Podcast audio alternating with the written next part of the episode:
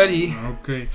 Welkom bij eh, de Raadspensionaars. Welkom terug. Aflevering 8 van seizoen 2. Aflevering 8 na een welverdiende eh, herfstvakantie. Zeker, wel verdiend. Want we hebben gisteren bij Arjan Lubach gezien waarom eh, we dat verdiend hebben. Ja, ik heb hem zelf nog niet gezien, maar ik hoorde inderdaad dat hij ons goed vertegenwoordigd heeft. Jazeker. Ja. Ik ben blij met het filmpje. Dus, eh, maar goed, we zijn natuurlijk een podcast. Eh, we zijn twee geschiedenisdocenten, dus je raadt het al, de podcast gaat over geschiedenis. Ja. Vooral, eh, ja, het is hoofdmoot is geschiedenis. We, we wijden wel eens uit over politieke dingen en over meningsdingen en weet ik het wat. Maar de hoofdmoot is natuurlijk geschiedenis. En je kunt ons volgen als je wilt op Twitter, Instagram of YouTube. YouTube. En we zijn uiteraard te beluisteren, want dat doe je nu op Spotify, iTunes, Soundcloud en of Deezer. Ja, en wil je iets melden of wil je ons bereiken, kan je ons bereiken via... Via, eh, er zijn meerdere kanalen eigenlijk. Je kan ons natuurlijk een berichtje sturen op Instagram of op Twitter.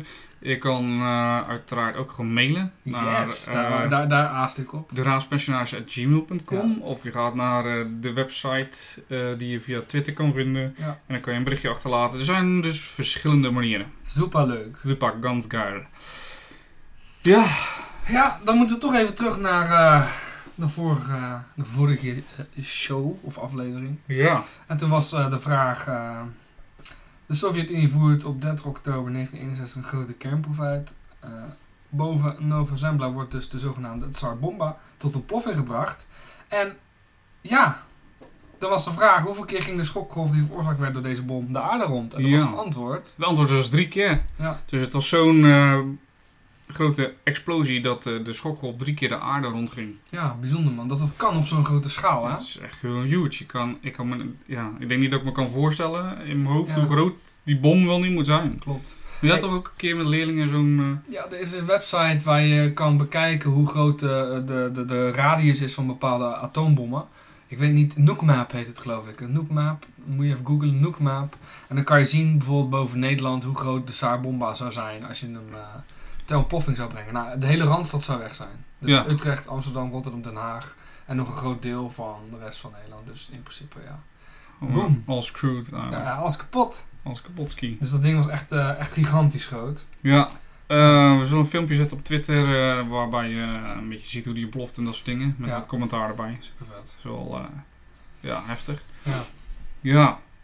Ehm, de explosie zelf is eh, eh, 50 megaton. Of is, dat is de kracht van de, van de bom. is misschien leuk om te noemen. eh, misschien zegt het je wat. Ehm, de explosie zelf was ook zichtbaar in Finland. Ja, er waren ook ramen die daar uit eh huizen eh, vlogen door die, eh, die schokgolf. Ja, dus dat is ja, super heftig. Hij is ook ontploft bij Nova Zembla. Nou, dat is Ja. niet onbekend bij ons Nederlanders, want dat is de grootste en slechtste ontdekking van natuurlijk eh, de Nederlanden. Ja, en de slechtste film. Ja, we blijven terugkomen. op die film, Terugkomen op de film, ja, dat is gewoon crappy. Ja, sorry Arnie. Maar goed, ehm, ja, Ja, de, de, de paddenstoelwolk, zeg maar, die opstijgt, die bereikt ook een hoogte van eh 64 kilometer. bizar? Ja, en de hitte van de explosie is zo groot dat eh, ja, op, die, eh, op een afstand van 100 kilometer van waar die dus ontploft, krijg je nog steeds derde graads brandwonden van die hitte. Ehm, er vallen natuurlijk geen ronden, want eh, de bom valt natuurlijk een, eh, ja, Nova Zembla waar niemand woont. Ja, Misschien vergeten een, we eh, natuurlijk wel dieren en zo, ja, maar goed, geen probleem ik denk als dat natuurlijk. ja, no worries. Ja, ik vind dat wel erg. Ja. Goed. Dus ja, heftig shit. Ja. Heftige bom. Gelukkig nooit gebruikt eigenlijk. Nee, dat is zeker heel, heel dankbaar daarvoor, want dat zou echt serieus wel echt gebieden kunnen vernietigen. Hey, maar even iets anders. Hè. Ja. Ik hoorde laatst op het, op het nieuws, of ik, ik weet niet meer waar ik het gezien had, maar schijnbaar hebben wij als mensen door bepaalde radiosignalen uit te zenden, creëren wij een, eh, een bepaalde eh, eh, Aura? aura of, of, of force field, een beetje sci-fi-achtig, om de aarde heen, wat bepaalde stralingen en dingen tegenhoudt. Het is gewoon door mensen gemaakt. Ja, bizar hè? Dus een soort Matrix-achtige... Ja, dat is een soort van, nou ja, het is een soort van eh, eh, soort, eh, Shields in Star Trek, dat idee. Alleen dan, Oh, maar dan niet echt op die manier. Maar het schijnt dus echt dat door bepaalde radiogolven, dat eh, bepaalde dingen tegengehouden kunnen worden. En dat het best oké is. Dus ja, het, vaak hoor je wel heel veel slechte dingen over dingen die wij als mensen doen. En schijnbaar is dit een, een hele goede. Oké. Ze zijn nu ook aan het onderzoeken of ze dat kunnen gebruiken om, ja, om wetenschappelijk kunnen toepassen. En eh, ja, het is echt super interessant. Mind is blown. Ja, moest ik ineens aan denken aan aan, aan, aan die schokgolf, zeg maar. Dat wij nu ook al zoveel informatie en, en golven en weet ik veel wat allemaal uitzenden. Nou, Het zijn. enige wat ik altijd begrepen is dat wij natuurlijk eh hersentumoren kregen van alle radiogolven. Maar Ja, dit zou dan een keer positief zijn. ja, het is misschien, eh, ja, ja. Ja. Ja, het kan ook. Ja, leuk, leuk. Nee, niet leuk, maar... ja, dat vond ik een leuk weetje. Ik denk, oei, dat is wel interessant. Ja, nou ja, als, we misschien kunnen, eh, kunnen we dat dan gebruiken tegen eh, Alien Forces of zo. Of, eh, Oh, wat een mooie link. ja, Oh, echt een hele mooie link. ik weet niet of het echt een goede link is, maar... dan eh, moeten we een sprongetje maken, maar hou die anders eventjes vast. Ja. want we hebben natuurlijk wel eerst... eh, ja, nog wat eh ja, we hebben het nieuws, hè? Het nieuws en Wat gaan, we luisterposten. eerst, we zeggen? Ja, maar, Ja, je zegt, jongen, het is jouw dag vandaag. We doen het nieuws eens even. We beginnen gewoon bij het nieuws. Beginnen we even gewoon rustig op vakantie gehad. Even lekker rustig aan. Juist, ja. Nou, eh, het nieuws. Ja. Zeg maar. nou ja, Ja. Trump dreigt de economie van Turkije te vernietigen. Ja, dat was natuurlijk, eh we zijn natuurlijk even een weekje niet geweest vorige week. Dus dat was eh, voor mij vorige week of twee weken geleden al nieuws. Hè, dat Trump dreigt de economie van Turkije te vernietigen. Ja, zo noemt hij het dan ook. bijzonder dat hij dat zo zegt Een lekkere staats, staatsman die dat zo op die manier zegt. Ja. Dus hij dreigt de economie van Turkije te vernietigen. En eh, ja, Turkije is not impressed. Nee, dat klopt. ja, dus eh, ja, hoe heet die? Erdogan lacht er nog net niet om. Maar eh, ik denk misschien in zijn slaap, nou, zijn slaapkamer weet ik niet, maar in ieder geval thuis wel. Als hij thuis op de bank zit en dan ziet Trump, dan moet hij keihard lachen, denk ik. Ja, bijzondere uitspraken. Maar aan de andere kant, ja, het is niet ongebruikelijk dat wereldleiders dit doen. Hè? Er zijn ook wereldleiders die dit wel vaker doen. Er Erdogan-? Nou ja, Erdogan die was ook best eh, fel over bepaalde dingen eh, in het verleden geweest. Ook over de Nederlanden. Ja. Eh, dus ja, Ja, je, het is niet ongebruikelijk dat dit soort dingen gezegd worden. nee, oké, maar op deze manier, ja, als je Erdogan en dingen natuurlijk vergelijkt, dan hetzelfde laken en het pak misschien. Ja, ja dat ja. Durf ik dat te zeggen? Ja. Dat heb je al gezegd. Dus, eh, nee, maar ik snap wat je bedoelt. Het is hetzelfde type. Ja, hetzelfde type inderdaad. Misschien niet, niet zozeer qua eh, politieke achtergrond. Nee, oké. Maar gewoon wel een manier van politiek bedrijven, denk ik. Ja. Ja, dus eh, ja, heavy. Ja, en hoe is het op het moment in Syrië-Turkije? Ik heb het eigenlijk niet zo heel goed gevolgd de afgelopen dagen. Nee, nou ja, we hebben de laatste... Ja, er komt ook, eh, en dat is wel bijzonder dat dat nieuws dan eigenlijk verdwijnt eigenlijk. Hè? Dat, eh, ze, het was even headlines en dan opeens, eh, ja, niet dus. Ja, en wat ik wel door had gekregen is dat Amerika blijkbaar de leider van de IS heeft uitgeschakeld. Oh ja. Ja. Nou. Althans was een paar dagen geleden, toch? Eh, Ze hebben nu weer een nieuwe leider aangewezen, IS. Ik snap het allemaal ja, dat zal moeten natuurlijk. Ja. En dat is dan weer eentje die onder Saddam Hussein eh, ja, in het leger zat. Dus dat is wel een grappige link ook weer naar wat je vorige keer had verteld. Ook over hoe het Westen eigenlijk eh, in de hand heeft gedrukt dat die twee partijen zijn gaan samenwerken. Die extremisten en die eh gedesillusionisten, die gedesillusioneerde eh, ja, soldaten eigenlijk. Of legerleiding onder, achter Saddam. Ja, ja. eh, zo zie je wat de onbedoelde gevolgen kunnen zijn, hè. Ja. Maar wat, eh, ja, de laatste, ehm, de laatste, het laatste wat ik eh, kan eh, vinden van over de, over de oorlog is eigenlijk dat er een, de- zo'n vier dagen geleden, ondanks dat Turkije een gevechtspauze had ingelast, dat ze toch weer een nieuwe aanval hebben gedaan op de Koerdische, ja, Koerdische st- stammen eigenlijk. Ja. Ehm, ook ehm, dat het Turkse leger en de rebellen slaag zijn geraakt met de strijders van de Syrische democratische strijdkrachten. Eh, die bestaan voornamelijk uit de Koerdische strijders. Ehm, ja, dat is wel. eh, de, de, de, Turkse president Erdogan had eh, eerder de week, van de week, vorige week, had hij eh, afspraak gemaakt met eh, Po- Poetin. Dat hij dus eh, dat hij, eh, een gevechtspauze zou doen. eh, om de Koerdische strijders eh, tijd te geven uit de buf- bufferzone te vertrekken. Russen en de Turken gaan samen patrouilleren in dat gebied. Dus eh, ik heb het idee dat Rusland een beetje aan de hand is wel van, Mhm. eh, van eh, de Turken. Ehm, ja, eigenlijk wilden ze voorkomen wel dat de, de, de legers van Syrië en eh, Turkije met elkaar in botsing kwamen. Dus eh, dat is wel het, eh, het idee. Maar goed, ehm, ja, dat is eigenlijk de laatste status van, eh, van, van het eh, conflict. Hè. En eh, ja, het is dus gekomen omdat de Amerikanen terugtrokken en Europa eigenlijk niks eh, ervoor in de plek stelde. Waardoor dus eh, Turkije zich eh, blijkbaar genoodzaakt zag een soort bufferzone te creëren in het noorden van Syrië. Niet zo gek, want het is ook weer heel dicht bij hun eigen grens natuurlijk. Ja, het is uiteraard wel te verklaren. Of het goed is, ja, dat is een tweede. Ja. En hetzelfde als je tegen je leerlingen zegt, hè, ik begrijp het wel, maar het is niet oké, weet je wel. Dus uh, ik denk dat beetje... Ja. Ja, dus um, dat. Ja. Ja verder uh, in het nieuws is dat Microsoft begonnen is met het uitnodigen van mensen die uh, de Project X Cloud willen testen. Wat is dat? Ja, dat is een goede vraag. En eigenlijk uh, zou je vragen, waarom is het dan geschiedenis? Nou ja, omdat dit misschien wel zeg maar de introductie is van het streamen van games via een browser. Oh, op die manier. nou is xCloud is meer voor vanuit Microsoft, zeg maar. Uh, maar ik weet dat bijvoorbeeld uh, Chrome ook een dergelijk iets aan het ontwikkelen is, of Google. Dat je dus via de, de Google Chrome browser games kan streamen. Ja. En dat is dus in die zin een, een, een, stukje geschiedenis dat dus eigenlijk de computers uit je woonkamer misschien wel verdwijnen. Dat je dan voortaan op een tablet of ja, een minder goed apparaat zeg maar, games kan streamen. Ik zeg ook, ik heb altijd gezegd van joh, uiteindelijk hè, wordt de computer zo, kan je het niet meer uit je huis halen, zal ik maar even zeggen. Dus het is zo geïntegreerd in je hele uh, huis, zal ik maar zeggen, dat hij op een gegeven moment in de meterkast zit. ja. ja. nou ja, maar het is wel, je hebt natuurlijk ook die uh, de Google Home. Ja. Wat eigenlijk dat al is. Ja, dan zet je eigenlijk in je meterkast een gigantische uh, server eigenlijk en alles draait die in je huis draait op, weet je. Ja. Nou, dat is, ik kan me heel goed voorstellen. Ja, toch? Nou hoeft het niet heel groot te zijn, want het wordt inmiddels wel heel klein, maar je snapt wat ik bedoel. Ja, ja, goed. Maar dan, uh, ja, de computers nemen het over, hè, uiteindelijk. Ja. Dus, um, ja, dan krijg je een beetje dat soort ideeën. Ja. Um, ja, verder in het nieuws was ook uh, bijvoorbeeld uh, de Catalanen. Ja, dat klopt.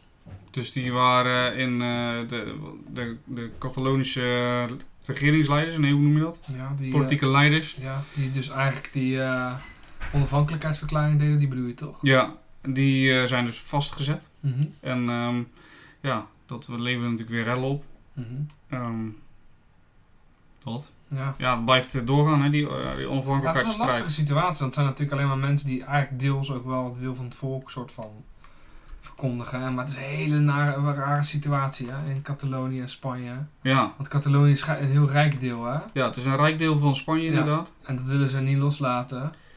Nee. Maar er is echt al heel lang een roep naar onafhankelijkheid. Ja, we hebben natuurlijk ook de, de, de hoe noem je dat? De terroristische ja. dingen gehad. Die, uh, hoe noem je dat? Die, waarmee ze dus onafhankelijk wilden worden. Ja. Dus dat. Ja, ja man, het is... Uh... Heavy shit. Dus uh, ja, inderdaad, het is wel bijzonder natuurlijk dat, dat soort politieke leiders opgesloten worden. Een soort, lijkt wel, hoe noem je dat? censuur? Een beetje, maar het is ook niet helemaal gerechtvaardigd hoe ze dat hebben gedaan, zou ik maar zeggen. Nee, oké. Okay. Maar ja, weet je. Ze hebben in ieder geval een statement gemaakt. Ja. Maar ja, daar leiden ze nu wel achter onder. Ja, het echt wel een flinke aantal jaar te zo. Ja, echt ja, een jaar of tien volgens ja, mij, gemiddeld. Okay. Give or take. Ja, uh, ja. Hoe gaan we dit uh, bruggen niet? Nee, maar hebben we nog wat, uh, wat, wat, berichten van luisteraars gehad? Want ik, ik, ik, heb begrepen dat we ook in de vakantie aardig beluisterd zijn. En daar ja. zijn we heel blij mee. Super natuurlijk. tof natuurlijk. Ja. En inderdaad, we hebben luisterpost ontvangen. Um, veel uh, is natuurlijk gewoon, uh, ja, gewoon leuk. Gewoon uh, feedback van tof, jullie doen het leuk. wat ik wat mij op, opmerkte en wat ik eigenlijk ook wel herken is dat iemand zei van ja, jullie verschillen allebei van interesse. Dat merk je ook in als Ja. we de vragen aan elkaar stellen. Maar dat vult elkaar juist leuk aan, dus dat is wel fijn. ik kreeg een ingestonden gezonde stuk over de Gouden Eeuw. Dat een of andere historicus, ik ben even zijn naam kwijt, dat die ook een beetje dat die erop tegen was om de Gouden Eeuw niet meer de Gouden Eeuw te noemen. Mhm. Dus uh, die vond dat passend bij het stuk wat wij natuurlijk samen hebben besproken. Dat wij daar eigenlijk ook wel zoiets hadden. En we hebben nog een uh, soort vraag, of een vraag, we hebben een soort informatieopdracht achter iets gekregen. Ja, en een suggestie ook voor een onderwerp. Ja. Die hebben we al deels wel een keer behandeld, hè? Ja, het gaat eigenlijk om. Uh, nou, het bericht is uh, met uh, veel plezier luister ik al een tijdje naar jullie podcast. een suggestie voor een onderwerp dat mij erg interesseert is het leven in de late middeleeuwen en de overgang naar de vroegmoderne tijd, eh, de renaissance. Dus van 1400 tot 1500.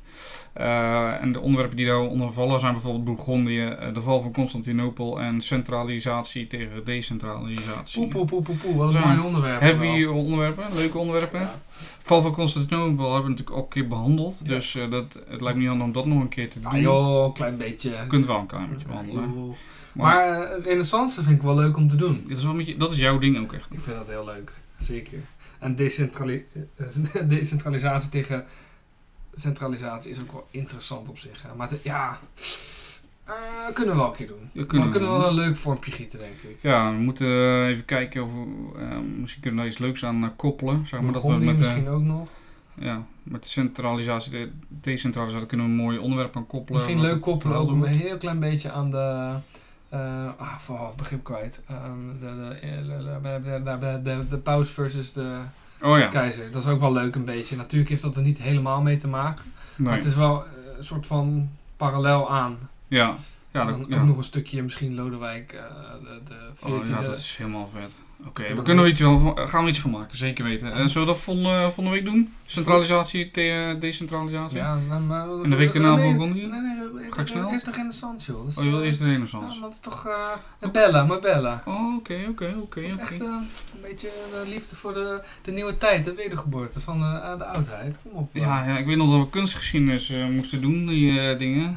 Ja. God, oh god. Nou, het enige wat ik weet is dat als er zo'n ding om zijn hoofd zit, dan is het, eh, is het, eh, is het Oh, middeleeuwen. Ja, maar dat is toch simpel. Een aureool om het hoofd was duidelijk inderdaad middeleeuws, Ja. want dat was heel erg...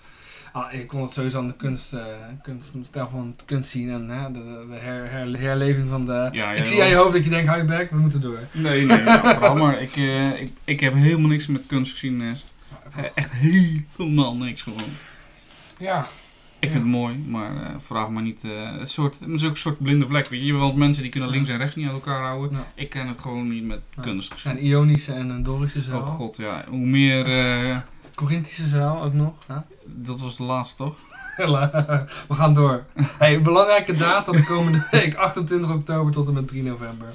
Ehm, ja, wat hebben we deze week in de aanbieding? Op 29 oktober 1929, een mooi, mooi bekend eh Het is wel toevallig eigenlijk. Hoezo? Zwarte dinsdag, morgen is het dinsdag.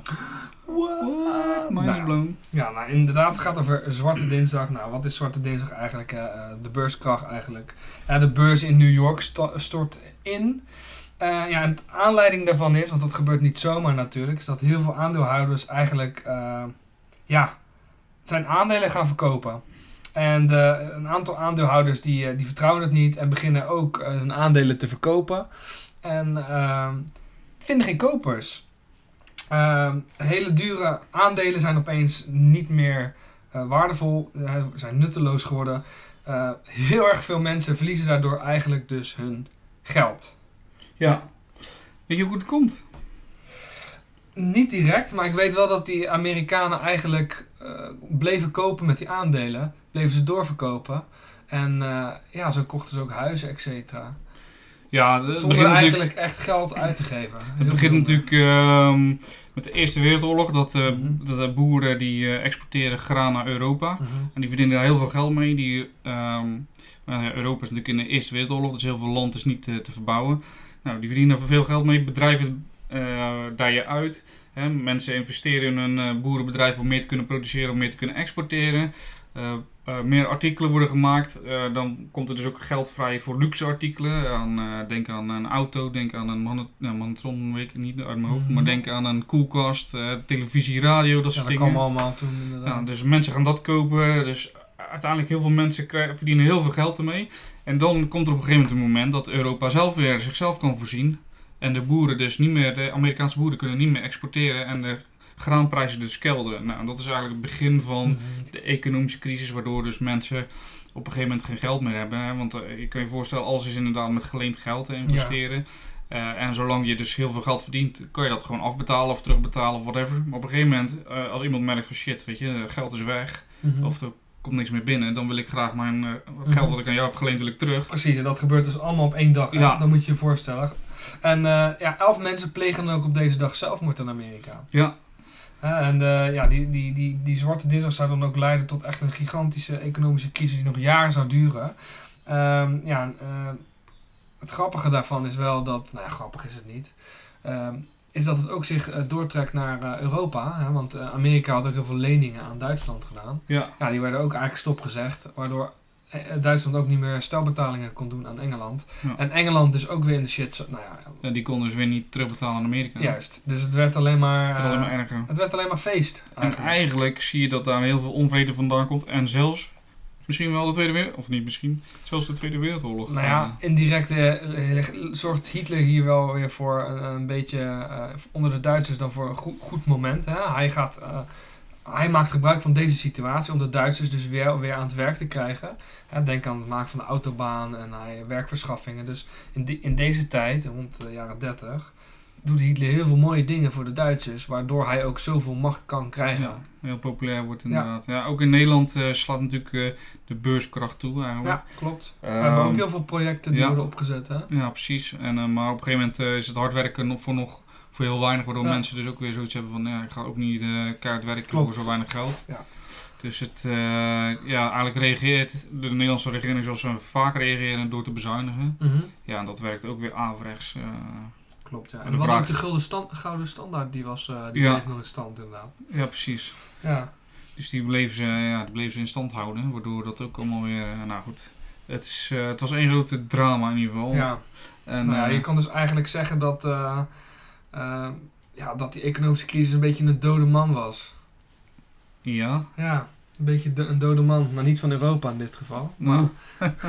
Heb je hem of niet? Ja, ik heb hem. maar De dode man van. Europa, de zieke oude dode man, of hoe zeg je het, zieke dode Dat man. was een zieke man van Europa. Ja, nou, dan hebben we het natuurlijk over Ja. het Ottomaanse Rijk. Hè? En aan het einde van de Eerste Wereldoorlog, of bijna de Tweede Wereldoorlog zeggen, schaam je. eh, zie je dat eigenlijk eh, ja, het Ottomaanse Rijk eh, ten einde is. Ja, dat valt uit elkaar. Het wordt eigenlijk verdeeld onder de geallieerden. En eh, in negen- 29 oktober 1923, dus we gaan weer een stukje terug, eh, ja, wordt de eh, Republikeinse grondwet eh, de Turkse Republiek gesticht. Hey, grappig dat Turkije eh, wat vaker terugkomt. Ja, Maar wel dit interessant. wat positiever dan, En eh, ja, denk ik. Mustafa Kemal Atatürk, eh, geboren 1881, gestorven 1938, wordt eh, ja, de eerste president. En die, ja, die blijft ook in het ambt tot hij doodgaat. En eh, ja, Ankara wordt dan de hoofdstad van Turkije daarna. Interessant. En deze man die heeft, eh, tot, die is op, tot op de dag van vandaag heel erg populair in eh, Turkije. hè. Ja, Eh, Kemal, ja, oftewel Atatürk, of Atatürk, hoe je het wil noemen. Ja, heel bijzonder wel, want als je nu kijkt naar Turkije nu en als je het vergelijkt met Turkije in deze tijd, zie je dat, ja, dat er zijn toch wel grote verschillen te zien. Ja. Atatürk wordt wel de vader van de Turken gezien. En hij scheidde dan ook het kalifaat af. Hè? Dus dat betekent eigenlijk hè, het kalifaat in, in, in Turkije eh, wordt afgeschaft. En het wordt eigenlijk een eh, eh, ja, republiek. Een republiek, ja. Ja, heel westers, eigenlijk. Ja. precies. Ja, dat is wel van anders. als het nu jou natuurlijk zoekt, of zocht in ieder geval Turkije wel toenadering tot. Europa, maar dat is ja, eigenlijk afgeketst. ja, klopt. Weet je ook waarom? Nee. Als ik het goed heb, ligt dat aan het feit dat eh, op het moment dat Atatürk zeg maar eh, ehm, de Turkse Republiek stichtte, heeft hij een soort van failsafe ingebouwd dat, eh, om tegen te gaan dat er een dictator komt. Mhm. En dat, heeft hij, daar geeft hij het leger, had hij geloof Ja, ik op een of andere manier de, Ja. de macht gegeven Ja. dat als een, een leider dus te sterk werd, dat dan het leger mocht ingrijpen om hem af te zetten. En dat was eigenlijk voor, dat was een van de dingen, er zullen wel meerdere dingen gespeeld hebben natuurlijk, maar dat was een van de dingen waardoor eh, Europa zei, nou ja, dat is, heel, dat is natuurlijk een soort, eh, ja, een, eh, een hoe noem je dat? I- iets wat je niet kan voorspellen, zeg maar, een, ja, noem het eens. Ja, er kan elk moment dus een, Staatsgreep. een staatsgreep gepleegd worden en dat is voor ons te onzeker. Dus ja, dat, gaan we, dat willen we niet. En dat is ook een reden waarom nu Erdogan dus zoveel macht aan het krijgen is, omdat hij dus dat moest uitschakelen. Dat is eigenlijk weer een negatief eh, gevolg, of ja, wij noemen het natuurlijk negatief. Ja, negatief daar gevolg het, van, eh, ja, van de afwijzing van de EU. Klopt. Nou ja, vijf, dat is, ja. En je zag eigenlijk la, eh, ja, laatst, een paar jaar terug natuurlijk, dat ook het leger, of een gedeelte van het Turkse leger, probeerde dus Een staatsgreep te een plegen. staatsgreep te plegen inderdaad. En dat heeft nog te maken met wat Bijzonder wel dat dat kan nog, hè. dus dat heeft ingesteld. Ja. Heftig was, ja. Ja. Ja. Oké. Ja, dus dat was eh, bijzonder. Ja, bijzonder. Ja, ja ik zal me, wel- kan me wel voorstellen tijdens zo'n staatsgreep dat we ontzettend veel paniek hebben. Oh, jij bent echt gewoon op dreef, jongen. Ja. Ja. maar jij had hem al een beetje opgewarmd. Ja, Dit is een leuke trouwens. ja, ja op 30 oktober eh, 1938 eh, breekt er in de Verenigde Staten paniek uit. Ehm, en eigenlijk is hem, eh, de boosdoener daarvan is eigenlijk het, eh, het hoorspel van eh, War of the Worlds van H.G. Wells. hè. Dat is een bekende sci-fi Ja. schrijver. Ehm, en dat wordt uitgezonden in eh, New York, dat hoorspel. En het hoorspel begint eigenlijk met een, eh, met een muziekprogramma waarop wordt ingebroken door een nieuwslezer met een extra bulletin. Weet je, een soort van... eh, stil, Ja, dit is breaking news. Ja, precies. I've got breaking news. Aliens are coming. Ja. En dat was dus ook inderdaad de boodschap. Vreemde verschijnselen die waargenomen zijn. Ehm, en die blijken dus aliens te zijn, indringers. En eh, veel mensen denken dus dat Amerika echt wordt aangevallen Ja. door eh, aliens. Ja, deze tijd zijn dat nu, als je kijkt naar 1938, zijn science fiction is echt aan het opkomen hier. Hè? Ja, En eh, ja, mensen zijn daar gewoon heel erg mee bezig. Ook ja, stripverhalen, boeken, H.G. Wells, heel bekend hè. Dus ja, het is niet zo heel gek dat het kan gebeuren. En het is echt ge- ge- opgenomen alsof het echt is. Dus dat maakt het heel... ja. Heel ze hadden interessant. geen internet of mobieltjes waarop ze om Nee. te checken. Dus ja, ze dachten dat het dus echt was. Dus dat is een kan je voorstellen dat dat gebeurt, joh. Ja. Ja, dan moet je eigenlijk, ja, wat je kan doen als de aliens aanvallen, is onder de grond eh Graven. Ja, dat deden de Britten en de Fransen ook in... eh, nou ja, eigenlijk dat deden ze daarvoor al. Maar op 30 oktober 1990 waren ze eigenlijk eindelijk eh, elkaar tegemoet gekomen. Want wat was aan de hand? Onder het kanaal zijn beide partijen een, een tunnel aan het graven. En het kanaal, dat is natuurlijk is nu heel erg belangrijk nog steeds. Ja. Wordt misschien wel Ja, wat minder belangrijk. Of nog belangrijker Ja. misschien. het Eh, nou ja, ze schudden uiteindelijk in 30, op 30 oktober 1999 kunnen ze elkaar de hand schudden door de tunnel heen. Wat heel bijzonder is eigenlijk. En eh, ja, eh, in 1994 in mei wordt het in gebruik genomen. Dus dat is best snel daarna. Ja, Dus dat is vier jaar zijn ze nog mee bezig geweest. Maar het, het wordt tot de dag van vandaag nog steeds gebruikt. ja, zeker. Ja, ik kan me er wel iets van herinneren, maar niet super veel. Ja, ik ook. Klopt, ik heb het nog op het eh, journaal gezien, denk ik. Ja. Dat staat me nog wel bij. Dat ze de hand schudden. Ik was wel heel jong toen hoor. Maar het staat, of ik heb het later teruggezien. Kan ja, ik was tien, denk ik. Ik denk dat ik het later terug heb gezien of zo. Ja. 94 was ik tien. 90 was ik... eh, Ik was acht of negen, zoiets. Je bent jonger dan dat ik Ja, ben. dat klopt. You young En knapper. son of a bitch. That's not Ja. what she said. Eh, wat? ja. Ehm, ja, we gaan naar 31 oktober, maar dan in 1517. En dit is wel dit is super. eh, dit is echt gewoon. Mind is blown. Eh, de Duitse priester Maarten Luther timmert 95 stellingen aan de deur van, eh, van de kerk in Wittenberg. Overigens niet bevestigd dat dit echt waar is, maar Mhm, zo luidt de mythe slash ja, geschiedlezing. Luther heeft onder meer bezwaar tegen de handel in aflaten waarmee katholieken hun zonde kunnen afkopen. En aflaten was een soort brief en die kon je dus kopen en dan had je dus een soort... ja, ik hoef niet naar de hel. zeg maar. Niet, niet alleen voor jezelf, dat kon je ook voor familieleden kopen. En op deze Ja. manier kon je een soort van vrijbrief krijgen van... Hé, hey, kijk eens, ik eh, ga niet naar de hel. Ja, maar ook inderdaad voor die al dood zijn, geloof ik. Ja, klopt. Dus als je Ja. wijsgemaakt bent dat je geliefde naar de hel is gegaan, Ja, dan kan je dan die kon je- dus weer vrijkopen uit de hel, zogenaamd. Oké, heel weird, maar... Ja. Eh, nou, de paus kan natuurlijk eh Luther zijn actie niet zo waarderen, dus die vraagt, zich dan, eh, die vraagt ook een aantal keer om zijn standpunt te herzien. Nou, Luther die denkt, bekijk het maar, steek er maar in en ik ga het niet doen. En eigenlijk brengt hij daar, bedoeld of onbedoeld, ik denk onbedoeld, de reformatie op gang, want zijn idee was eigenlijk om de katholieke kerk te hervormen. Ja, klopt. Hij, wil, hij was eigenlijk gewoon wel katholiek, maar hij wilde hervorming inderdaad. En daar zijn natuurlijk, is wel het Lutheranisme uit eh, voortgekomen. En, en daardoor is Calvijn ook geïnspireerd om het Calvinisme op gang te Ja. zetten. En, zodoende ook het protestantisme. Hè? ja. Ja man, Ja, dus dat is wel super grappig, interessant. ja, ik Leuk. vind het interessant. We hebben hem wel vaker voorbij zien komen, Ma- Maarten Luther. Ja, Maar het is wel een eh, belangrijke eh, gebeurtenis in de westerse eh, geschiedenis. zeker. En een heel belangrijke gebeurtenis. Hè. Uiteindelijk zie je ook dat de godsdienstoorlogen eruit komen. Ja. En uiteindelijk zie je dat dus ehm, ehm, besloten wordt dat in de heer zijn gebied is, de heer zijn religie. Hè. Dus dat Ja, in Duitsland is dat dan in Duitsland een bepaalde mate van godsdienstvrijheid eigenlijk. Ja. En dat was heel voordelig voor die heren natuurlijk. Gaan we toch nog een beetje naar centralisatie, decentralisatie Ja. toe. En dan zie je die heren die dan zelfs kunnen eh, bepalen eh, hoe of wat in hun eigen gebied. ja, eigenlijk is dat decentralisatie. Is dat, Dat eigenlijk. klopt, dat klopt.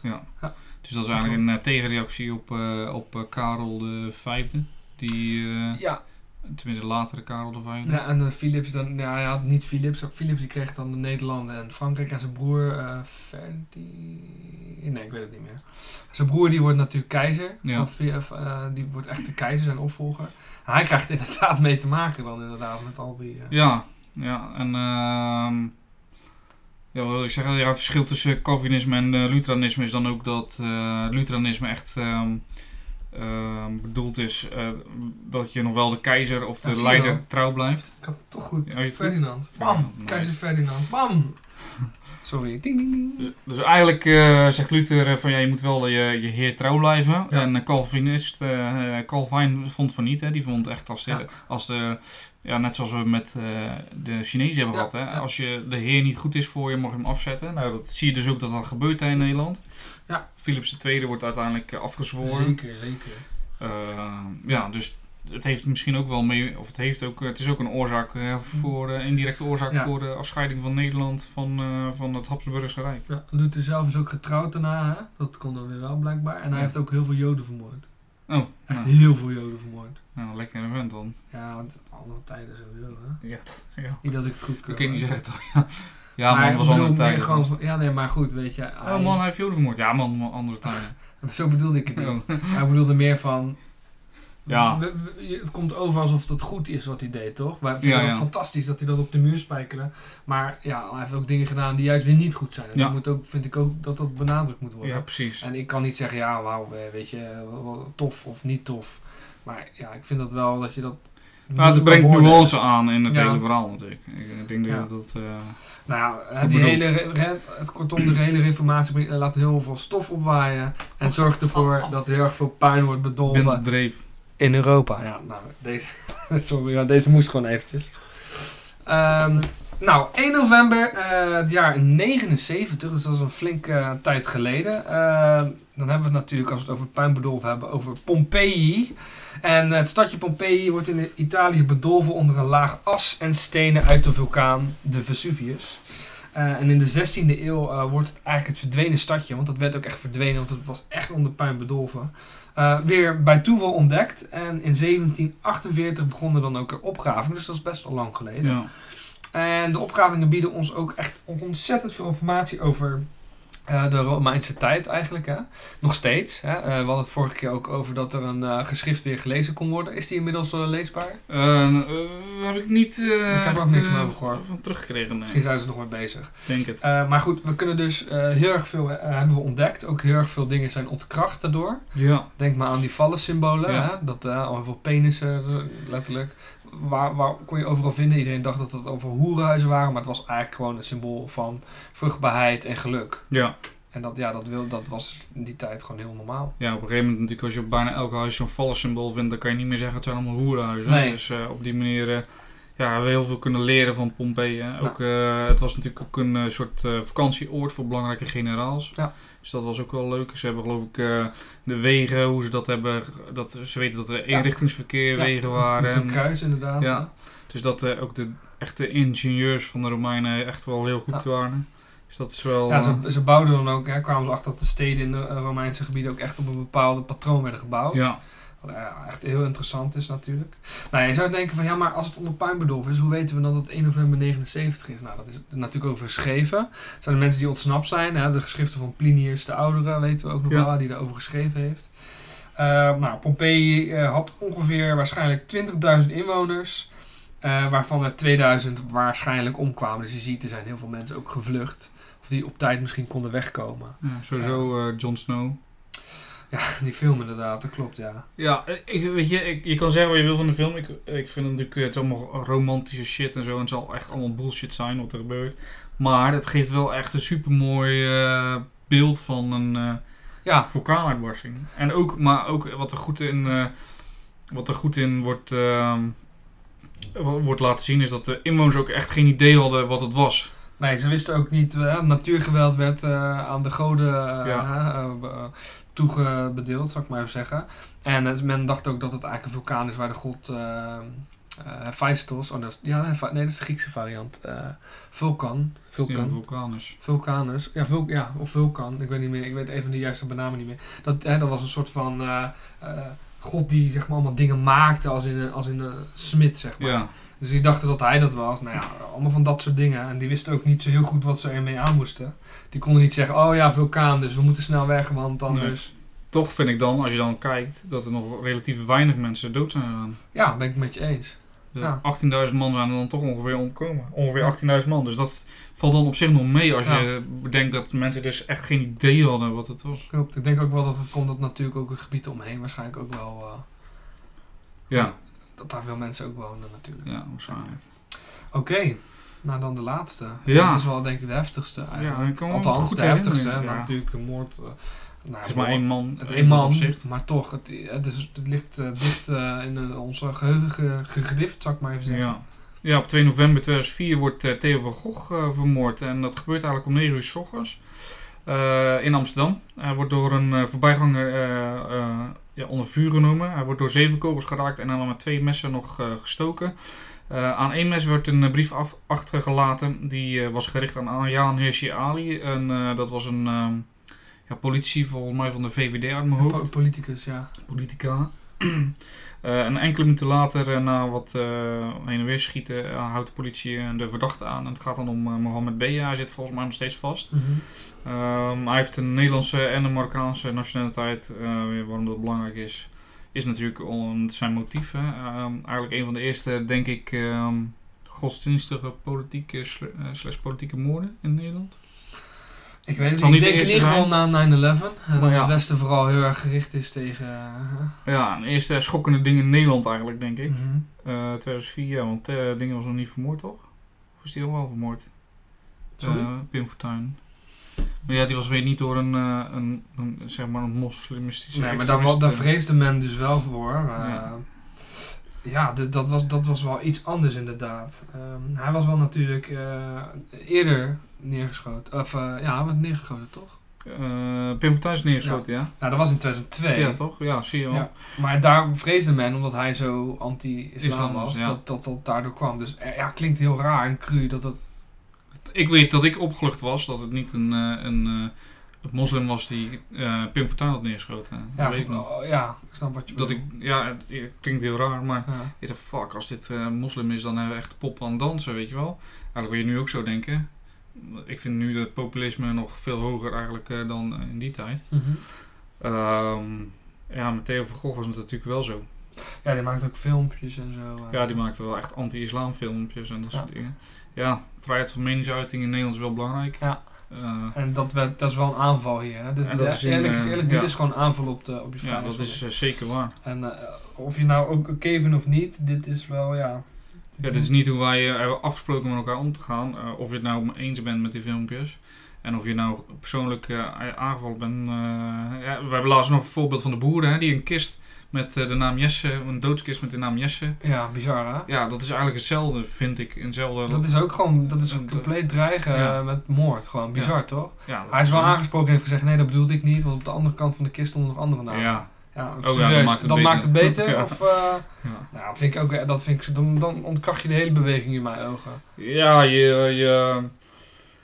Kijk, je wil natuurlijk iets bereiken hè, met een eh, staking. Eh, het zou zelfs zijn als wij als eh, docenten dadelijk met een doodskist met Arie Slop erop Ja. komen. Ja, dat, da- daar wek je niet... je, je bereikt je doel niet, hè? Je ik heb, Nou ja, aan de andere kant hebben ze uiteindelijk toch door heel veel geweld te gebruiken wel een zin in een bepaalde provincie kunnen doordrammen. Ja, sorry dat ik het zo zeg, maar ja, dat was, is wel. En toen, nu heeft natuurlijk ook Den Haag de groep van, ho, dit, is niet, dit gaat niet gebeuren, we gaan Nee. het anders doen. ja, Want dit werkt niet. Hè? De- de- dus dat is wel goed, want er moet wel één lijn in zijn. Hè?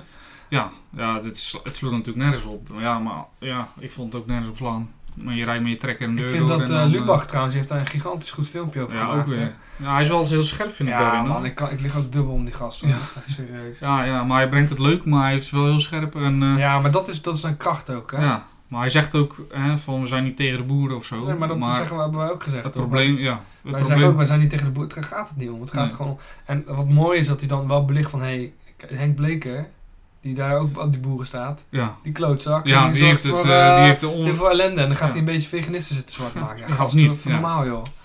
Even serieus. Goed, we dwalen een beetje af, man. Van Ja, eh klopt. moord van Theo van Gogh Maar naar goed, de boeren. eh, maar- Theo van Gogh dus 2 november Ja. 2004. En ja, eigenlijk wel een aanval op de vrijheid van meningsuiting. Ja, zeker. Eigenlijk een aanval op de vrijheid Van- zelf. Ja, vrijheid zelf, inderdaad. Zo, Wow, we zijn eh, ja, eigenlijk door onze belangrijke data heen. En eh, ik denk dat we doorgaan naar de, de drie quizvragen. Vragen, vragen, vragen, vragen. Alright. Kent u deze nog? Ja. Nog?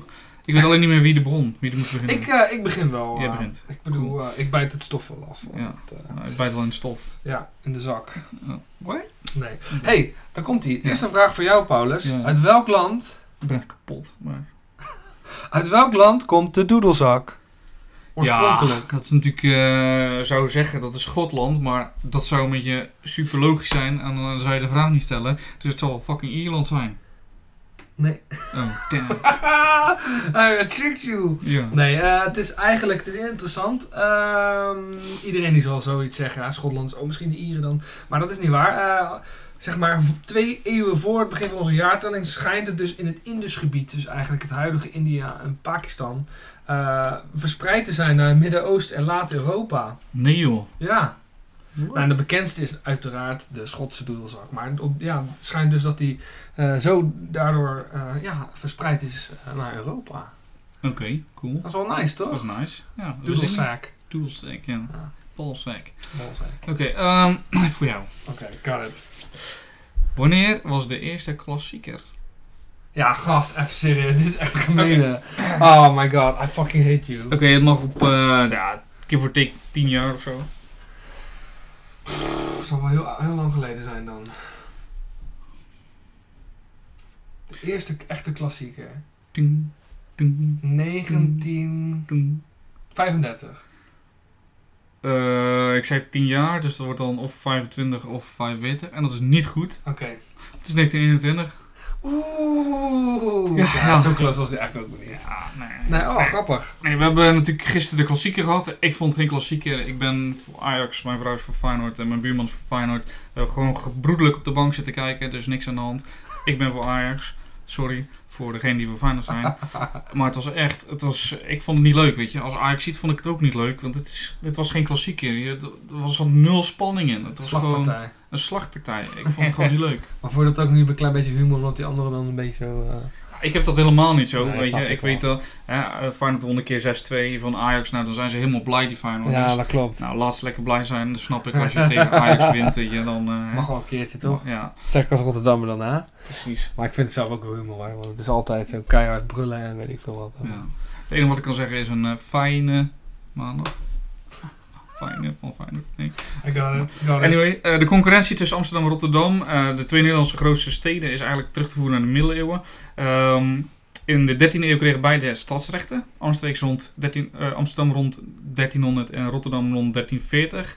En de rivaliteit tussen de voetbalclubs begon eigenlijk naast, na de Eerste Wereldoorlog. Op het moment dat zowel Ajax als Feyenoord in de eerste klasse kwamen. Ajax speelde er al en Feyenoord kwam er in 1921 ook terecht. En zo ontstond eigenlijk die rivaliteit. En op 9 oktober 1921 stonden de clubs uit Amsterdam en Rotterdam voor het eerst tegenover elkaar op eh, dat niveau.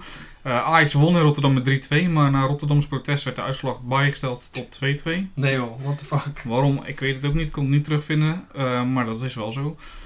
Dus in ja, 9 oktober 1921 was de eerste klassieker. Dat is een gelijk spel. Klassieker staat over, overigens ook op, de, ik geloof de nummer 5 in de wereld van, ja, van, van heftigste klassiekers, zeg maar. Van Nou, grappig. meest Ik ben wel benieuwd wat de eerste is dan. Eh, dat is eh, Barcelona, Real Madrid. Oké, ja, dat is niet. Logisch. Maar echt hè. Alright, nice man. Ik heb ook nog één voor jou. Ja. De Joden waren niet de enige die een symbool moesten dragen in de Tweede Wereldoorlog. Nee, Op het kledij dan. Welke groep moest dat ook? Zigeuners. Oh. Hoe zag dit symbool eruit? Eh, Zigeuners en het zag eruit als een woonwagen. Ik weet niet wat. Gast, even serieus. Nee, Dat is echt erg. ik weet het niet, gast. Ik weet dat het, zelfs, het zijn waren Zigeuners, toch? Nee, Oh. helaas. Althans, wie weet moesten zij ook wel eentje dragen. Nee, het waren homoseksuelen. Oh, fuck. Dat ja. wist je zeker, of niet? Ja, dat had ik moeten weten. Ja, die moesten, ja, zelf natuurlijk een beetje. Nee, ze moesten een eh, roze driehoek dragen. Roze driehoek. Een concentratiekamp, ja. Heftig shit, man. Ja, heel bijzonder. Eh, ja, moesten ze dus dragen om aan Gaarten dan de kampbewoners te laten zien in eh, concentratiekampen. Heftig. Ja, en er is ook een, eh, later ook wel een, een, een hoe zeg ik dat, monument gebouwd. Een, een- ook een, een roze driehoek. Ik geloof dat die... ja, waar is die eigenlijk gebouwd? Amsterdam volgens mij? Kan dat zijn? Amsterdam volgens mij. Ja, jij stelt de vraag mij. Ja, ja, ik moest even, ik moest even denken. Ik dacht Amsterdam. Eh, ja, t- om dat te herdenken. Dus dat, ja, ik vond het wel mooi Ja, om dat even te benoemen. Want ja, dat is ook heftig Ja, natuurlijk. zeker.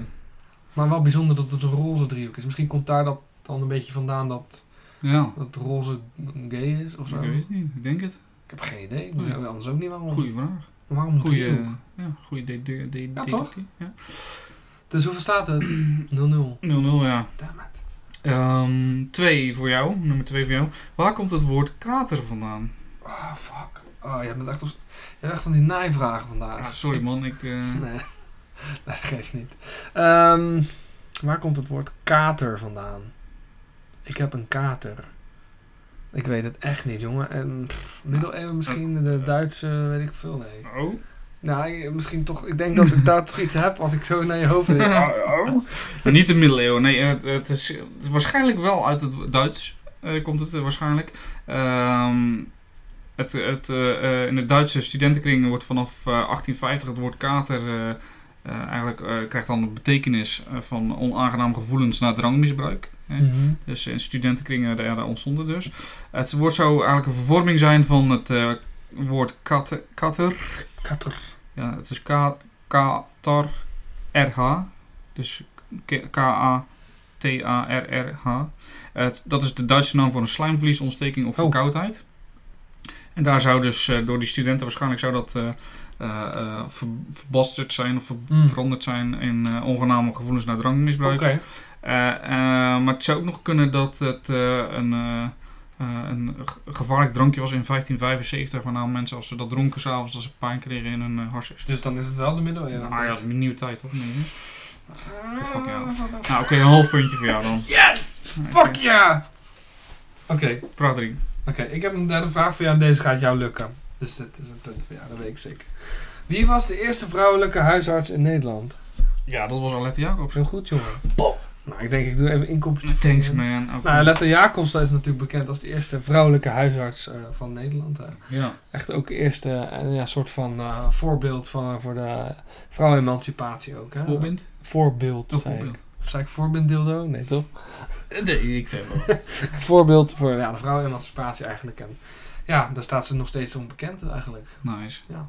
Ja. Damn it. Was hij ook niet, ehm, of was dat Troelstra, die eh, eh, waar wel op gestemd kon worden, maar die niet zelf mocht stemmen en dat ze dat raar vond? Was dat Alette dat, Jacobs? dat weet ik niet zeker. Maar ik weet wel dat het zo was dat vrouwen eh, ja, tussen 1916, 19, nee, sorry, 1917 en 1919 of tot en met 21 kan ik weet het niet. Nee, meer. 1919 is vrouw kiesrecht. Ja, dat klopt, maar ze konden daar nog, nog niet verkiesbaar worden gesteld, geloof ik. Dat moest tot de volgende stemming zijn of zo. Dat Ja, oké. 1921. Nee, nee, maar de 21. reden waarom vrouwen eh, kiesrecht wilden hebben was omdat eh, er was op een gegeven moment een vrouw die eh, wel, daar kon wel op gestemd worden, en die zei, maar de- die mocht zelf niet stemmen, dus die ging dat aan de kaak Dat klopt. Maar dat was voor mij wel voor. Dat klopt. Dus, Ja, ik, het zou kunnen Alette, ja, het zou me niet verbazen als zij het Nee. is. Dus. Oké, nou. Nou, de laatste. voor jou. Slachthuis, kom maar. Welk eiland wordt door Christopher Columbus vandaag in 1492 ontdekt? Ja, dat is niet zo moeilijk. Oké. Volgens mij is dat Cuba. Oh, the man knows. Anderhalf, bitch. Dus Ja. means I'm win. Woehoe! Ja, je hebt gewonnen. Wanna have to Oké, none. nou, Oké. Fuck jou. nou ja, klopt. Cuba wordt eh Nou, oké, ik geef jou ook een half puntje, want je had wel die, ja, die, die, die zigeuners. Maar, eh, nou, oké. Nee, 0,1 dan. Oké. Sorry, ik onderbrak je. Nee, maar het eiland wordt, eh, Cuba wordt inderdaad ontdekt, als je het zo kan noemen, want er woonden waarschijnlijk gewoon mensen in 1492. Vandaag, 28 oktober, dus Oh, ja, dat was wel grappig, dacht Ja. ik. dat, dat klopt, ja, Cuba. Inderdaad, want althans rond Cuba. Wat we Ja. nu Cuba noemen, zeg ik altijd. Ja, Cuba. dus dat. Wat is dat? Dan rest ons alleen nog even de quizvraag voor jullie. Ja, nou, ik ben heel benieuwd wat we er deze keer weer hebben. Maar hij is wel leuk. Ik Hij is wel leuk, toch? Ja. Zeker leuk, zeker Ja, we hebben natuurlijk eh, dit weekend, eh, ja, is de klok weer een uur achteruit gegaan. Ja. En eh, we vroegen ons af of jullie als luisteraars ons konden vertellen nou eens een keertje eh, waarom dat zo is. Ja. Waarom, zijn, waarom hebben we zomer en waarom hebben we wintertijd. Ja, dus de vraag is letterlijk, waarom hebben we zomer wintertijd? Ja. Punt. Dus, Vertel maar eens even. Vertel maar eens even, laat ons maar eens weten. Ja. Ja, en dan zijn we alweer aan het eind gekomen van aflevering 8. Acht. Oh man. gaat snel. Ja, man. Ja. Leuk. Ja, dus ehm, ja, we vinden het super gaaf dat, jullie luisteren. Ehm, ja, we proberen een hashtag in het leven te roepen, dat lukt nog niet echt, maar eh eens een keer helpen. Hè? Eh, hashtag het raadspension. Eh, als je over ons praat, zou leuk zijn, grappig Ja. zijn. Ehm, daarnaast, ja, we vinden het altijd leuk om natuurlijk feedback te krijgen, of vragen te krijgen. Eh proberen we serieus mee om te gaan. ja. Ehm, en eh, ja, blijf luisteren, blijf ons delen. Mocht je ons willen sponsoren, niet haha, dan hoor het wel. Dus nee, maar het is superleuk. Eh maak het met veel plezier. Zeker. En, eh, zeker, zeker, zeker, dude. Ja, ik denk dat we jullie eh, volgende week weer eh, zien op Spotify, iTunes, Deezer of Soundcloud. En Of Twitter, Instagram of YouTube. don't forget to like en subscribe. Nee, grapje. Ja, nee, superleuk dat jullie natuurlijk weer hebben geluisterd. En ik hoop dat het volgende week ook Ja, gewoon weer zeker. een badass aflevering wordt. wordt het zeker, wordt sowieso Aflevering 9 dan. aflevering 9. Tot volgende week. Tot dan.